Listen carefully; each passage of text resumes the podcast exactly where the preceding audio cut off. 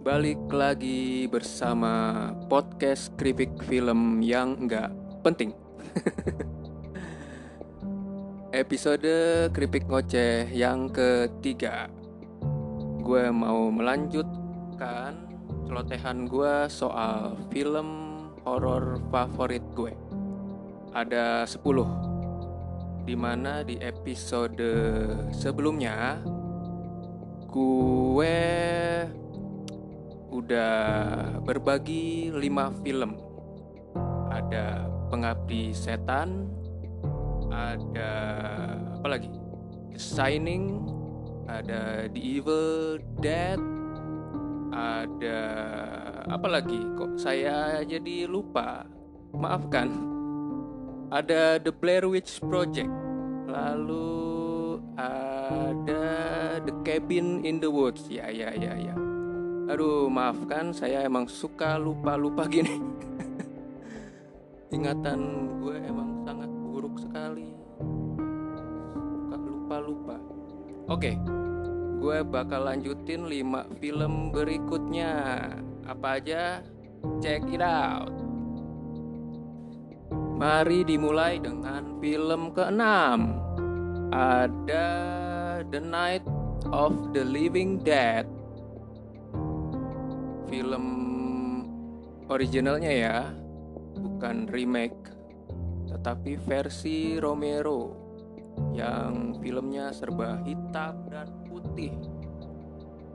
Meski hitam putih, tapi zombie-zombinya tuh enggak. Oh ya, ini tuh film zombie ya. Kalau bagi yang nggak tahu, ini adalah film zombie. Film zombie yang ya film zombie itu dulu sebelum ada serial The Walking Dead yang membosankan itu tuh. I hate The Walking Dead. Karena nggak tahu dah, jadi biang kerok aja gitu mempol, jadi populer aja gitu zombie, jadi mainstream man. Soalnya kan dulu tuh siapa sih yang peduli sama film zombie gitu walaupun ada Dead Snow, ada Branded, Branded, Brandednya Peter Jackson, ada 28 Days Later, ada Pontypool yang gue demen banget, ada Rambok yang kesuam yang semuanya itu tuh udah ngebuktiin kalau film zombie itu emang keren. Tuh. Nah, The Night of the Living Dead ini tuh salah satu yang bertanggung jawab lah yang bikin gue tuh jadi mencintai yang namanya film zombie. Ya, walaupun serba hitam putih ternyata zombie-zombie di sini tuh justru makin terlihat menyeramkan. Menutupi balutan makeupnya tuh yang sederhana gitu tapi efektif gitu. Efek-efek darah, bukan sirup tuh sama coklat kayaknya. Sama isi perut yang isi perut yang disumbangkan dari toko daging sebelah. ya pokoknya gak kalah lah sama film zombie-zombie kekinian yang lebih doyan lari maraton ke sana kemari. Lebih ya zombie-zombie jalan santai kayak gini justru buat gue lebih mengerikan ya. Tuh. Dan yang bikin gue makin? Makin berkesan dengan The Night of the Living Dead itu karena seperti ciri khas film-film Romero kebanyakan itu bisa ngasih nggak hanya rasa menyenangkan menonton film zombie tapi juga lu dibuat mikir gitu. habis nonton tuh lu bengong dulu Meng, apa namanya berusaha mencerna apa yang ingin disampaikan oleh Romero selain kepala benyek-benyeknya zombie. Ada komentar kritikan sosial yang sinis dan satir lah di setiap filmnya. Termasuk juga di The Night of the Living Dead. Yang makin bikin filmnya itu makin buat gue spesial Your mother sucks whack whack whack in hell, Karas. Your faithless slime. Yes, yes, yes. Bicara soal film horor bertemakan pengusiran setan, kayaknya bakal sulit buat nandingin film favorit gue ke tujuh ini, yaitu The The Exorcist. Film yang bukan semata-mata hanya menyeramkan ya tapi juga film yang mengisahkan tentang sebuah harapan. Tapi emang nyereminnya itu sih yang bikin spesial dari film ini gitu. Siapa sih yang nggak per ya siapa sih yang bisa lupa sama sosok Regan yang kayak Regan yang demen banget mulutnya berkata kotor dan nyemprotin muntahan warna hijau ke wajah pendeta. mulutnya tak ada ahlaknya Regan nih emang. Ya, di Exorcist tuh emang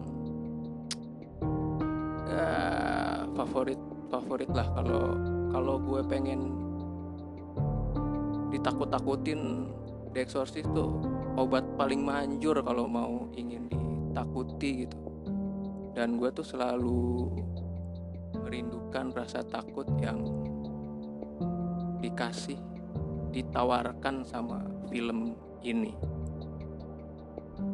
Lo kalau kalau lihat behind the scene-nya di Exorcist bakal lebih menghargai kalau bikin horor itu bikin penonton takut itu emang gak mudah gitu. Gak cuma modal penampakan yang muncul sepersekian yang muncul setiap lima menit sekali terus pakai bunyi ngejrang genjreng nggak kayak gitu gitu. The Exorcist ngasih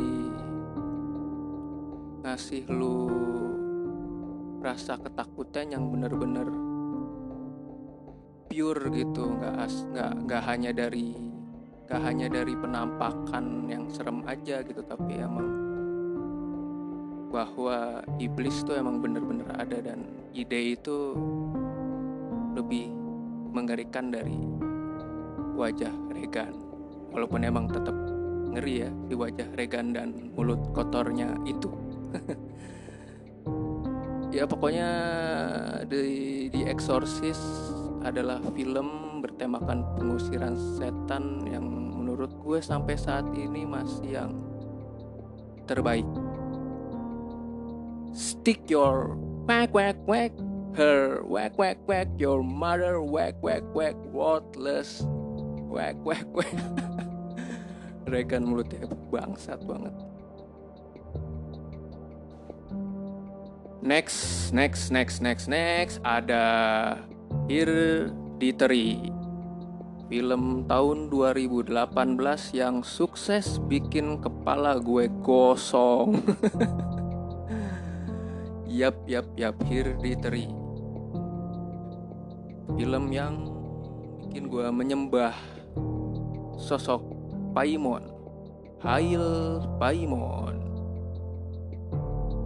Oke, okay, di sini kenapa gue nggak tahu ya gue demen banget film-film model kayak Hereditary ini nih film yang film yang menawarkan elemen-elemen aneh okult elemen-elemen horor yang tersembunyi gitu yang lu mesti bener-bener ngacak-ngacak buat nyari tahu ada apa sebenarnya. Tapi kepala lu juga dibikin jadi berantakan. yap yap yap. Pokoknya tapi yang keren dari Hereditary itu filmnya nggak buru-buru langsung bikin lo KO sama horornya. Tapi si Ari Aster, Ari Aster apa Ari Aster? Aster Ari Ari Aster ya apalah itulah. Maaf kalau gue salah nyebutinnya. Pokoknya si Ari ini nggak buru-buru bikin kita jadi kebingungan lah. Nggak buru-buru bikin kepala kita penuh. Nggak bikin buru-buru horornya itu pokoknya dibangun secara perlahan pelan-pelan. Malah di separuh pertama Hereditary justru kayak film drama keluarga gitu. Drama keluarga. Keluarga yang dis disfungsional dengan segala sisipan intrik dan juga konflik. Nah selagi durasinya ini bergerak menceritakan keluarga si Tony Collette yang sangat-sangat kacau. Pelan-pelan si Ari Aster ini nyusupin gambar-gambar yang disturbing. Pelan-pelan juga bikin bola mata kita tuh berputar-putar. Nih ada apa sama keluarga ini ya kan? Ya pelan-pelan tuh niat busuk si Ari Aster mulai kecium kepala diisi gambar-gambar yang mengganggu dan menyakitkan. Nah, yang lebih gilanya lagi nih, si Ari ini sama kayak si Fede Alvarez yang bikin remake di Evil Dead. Dia tuh no mercy. Dalam artian orangnya tuh nggak kompromi, tegaan. Si Ari ini tega ngelakuin apa aja lah pokoknya. yang udah nonton ngerti lah maksud gue tega ngelakuin apa aja itu demi tujuannya buat bikin penonton merasa nggak nyaman, penuh prasangka, nggak karuan dan tercekik rasa gelisah tak mengenakan. Nah, pas pas kita udah dibikin kacau secara psiki, psikis dan emosional, barulah tuh si Hereditary mengungkap kengerian yang sebenarnya dan ngehenya lagi si Ari tahu gimana mempresentasikan horornya gitu. Kayak nusukin pisau karatan hitam-hitam bernoda ke kepala lu berkali-kali. Cocok cocok. Deh. Love it. I love it. Ya pokoknya suguhkan oleh Hereditary jelas membekas lama spesial favorit gue lah mimpi buruk yang bakalan sulit dilupakan. Pengalaman horor yang mengerikan ya saking ngerinya mulut gue nih yang biasanya kalau nonton horor bagus tuh pasti anjing-anjingan. Tapi di Hereditary ini mulut gue tuh terasa lupa buat ngomong anjing saking ngerinya. Anjing emang Aster Hail Paymon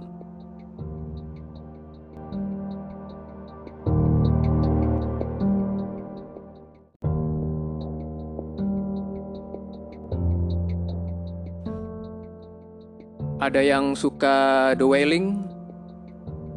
Yap, film tahun 2016 asal Korea yang disutradarai oleh Na Hong Jin. Kenapa gue memfavoritkan The Wailing? Karena nggak hanya karena emang gue menyukai film-film thriller balas dendam berdarah-darah dari Korea. Kayak Old Boy atau The Devil.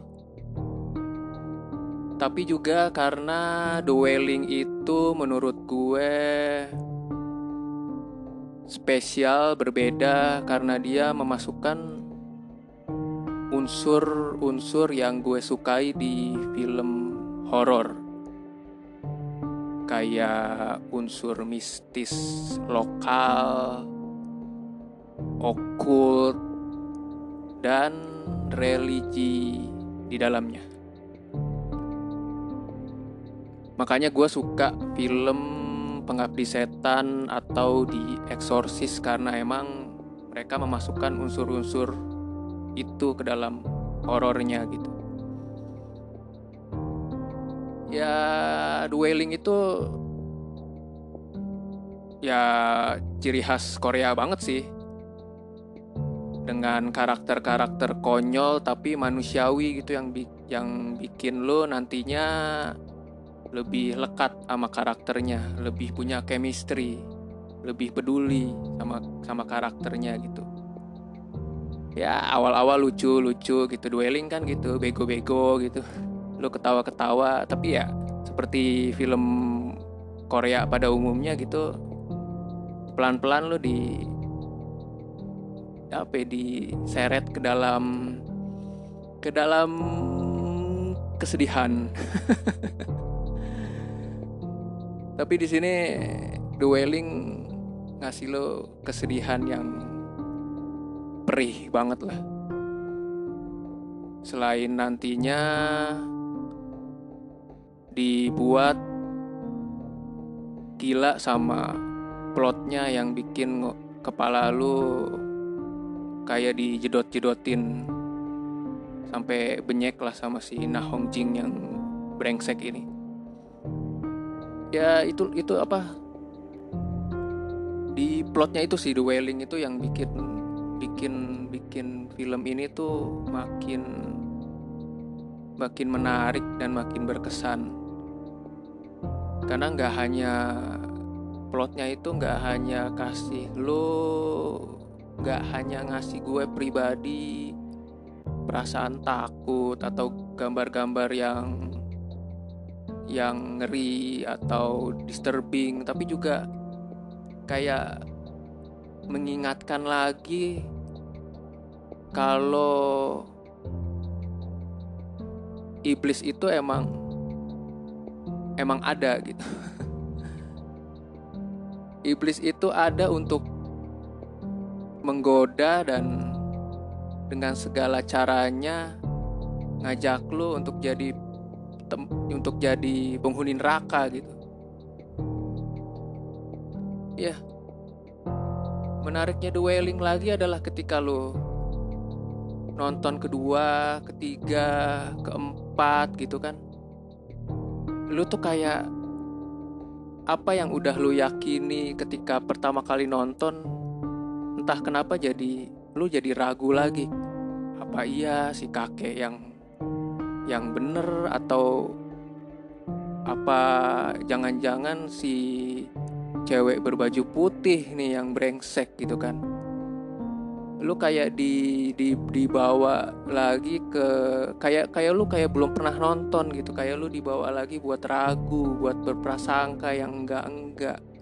Buat bikin lu jadi gua yang bener itu si kakek atau si si si cewek berbaju putih ini gitu. Itu sih yang bikin Dwelling sampai saat ini. Film Korea film horor Korea favorit? Karena ya gitu bikin lo setiap saat jadi bikin lo balik ragu lagi. Bikin lo bikin bikin apa sih keyakinan lo yang sebelumnya udah mantep nih digoyahkan lagi gitu. Ya gitulah iblis kan emang gitu dengan segala upaya daya bisa bikin lo apa bisa bikin lo bingung bisa bikin lo dengan segala trik tipu dayanya bisa bikin lo lupa sama keyakinan lo gitu dwelling bangsat banget lah.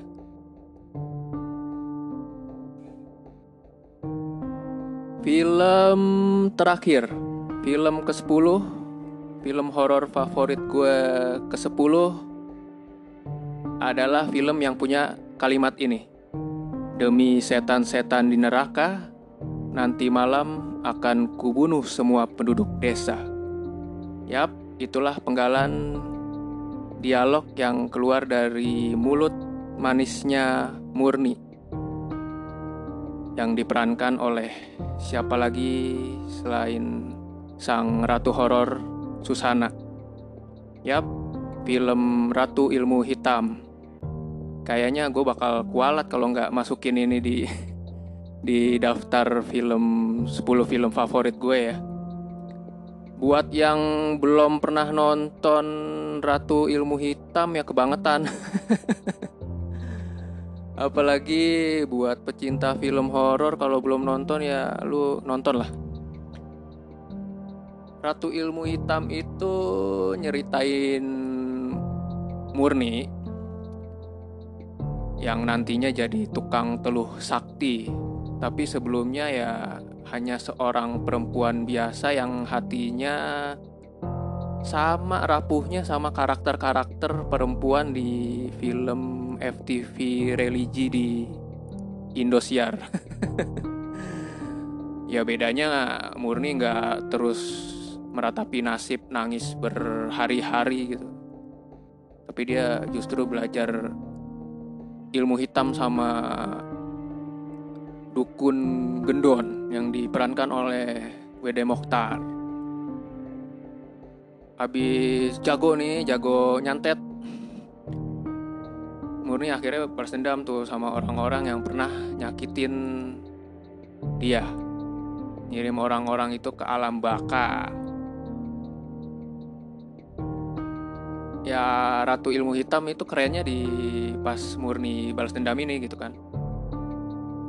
Balas dendam dengan berbagai macam cara dari digantung di pohon sampai ada yang tewas nantinya tenggelam di lumpur gitu keluar segala macam apa tuh ya?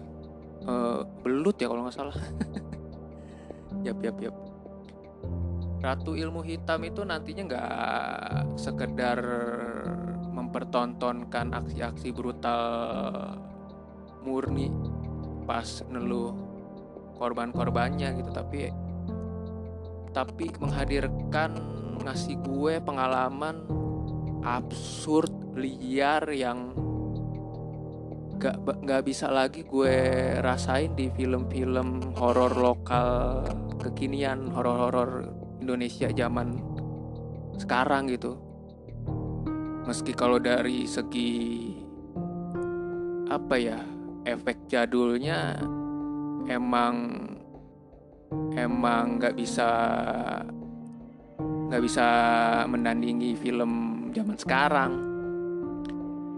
Tapi justru tapi justru ketimbang efek-efek horor komputer digital zaman sekarang efek praktikal tetap jadi jadi apa ya gue lebih lebih prefer efek praktikal dalam film horor ketimbang efek-efek digital dan itu yang gak bakal lagi bisa dilihat di film horor zaman sekarang. Apalagi ya, Ratu Ilmu Hitam itu ya ya yang suka yang suka unsur-unsur gore pasti bakal terpuaskan lah sama Ratu Ilmu Hitam dengan segala efek praktikal yang ajaib, mantap, berdarah-darah ada kohar yang nyabut kepala itu sangat epic sekali. ya, yang nggak hanya nonton beragam kesadisan lah, tapi juga nggak tahu kenapa lah adegan-adegannya yang nggak bermoral itu dirancang begitu kreatif. Meski efeknya jadul tapi jauh dari kesan murahan gitu. Alhasil efektif lah bikin lo ngeri ngeri maksimal gitu. Efeknya dari wajah hancur penuh cacing sampai pembuluh darah yang meledak tuh pas si Murni mulai melancarkan aksi teluh. Terus ah pokoknya pokoknya Ratu Ilmu Hitam tuh so so much so many keepikan sih.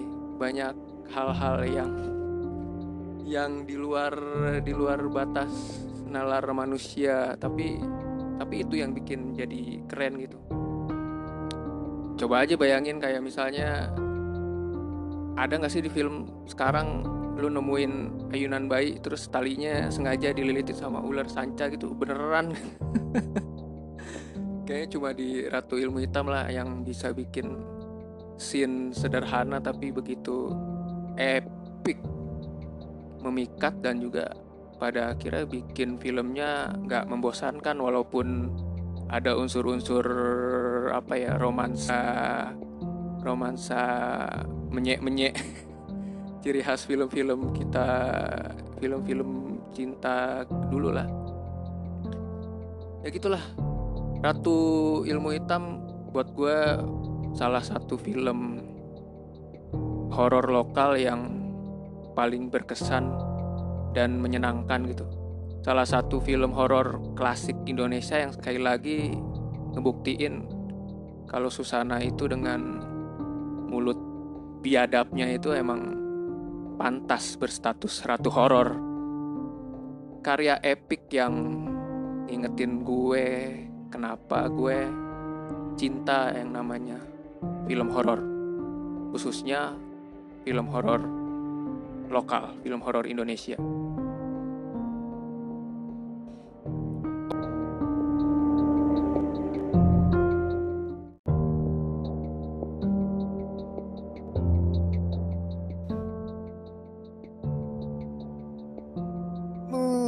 Oke, itu dia 10 film favorit Film-film yang mewakili alasan gue kenapa gue sejak awal mencintai dan menyukai yang namanya genre horor. Terima kasih yang sudah mendengarkan episode podcast Kripik Film kali ini. Semoga bermanfaat dan jangan lupa follow Twitter Kripik Film dan Spotify. Sampai jumpa di episode podcast Kripik Film berikutnya. Dadah.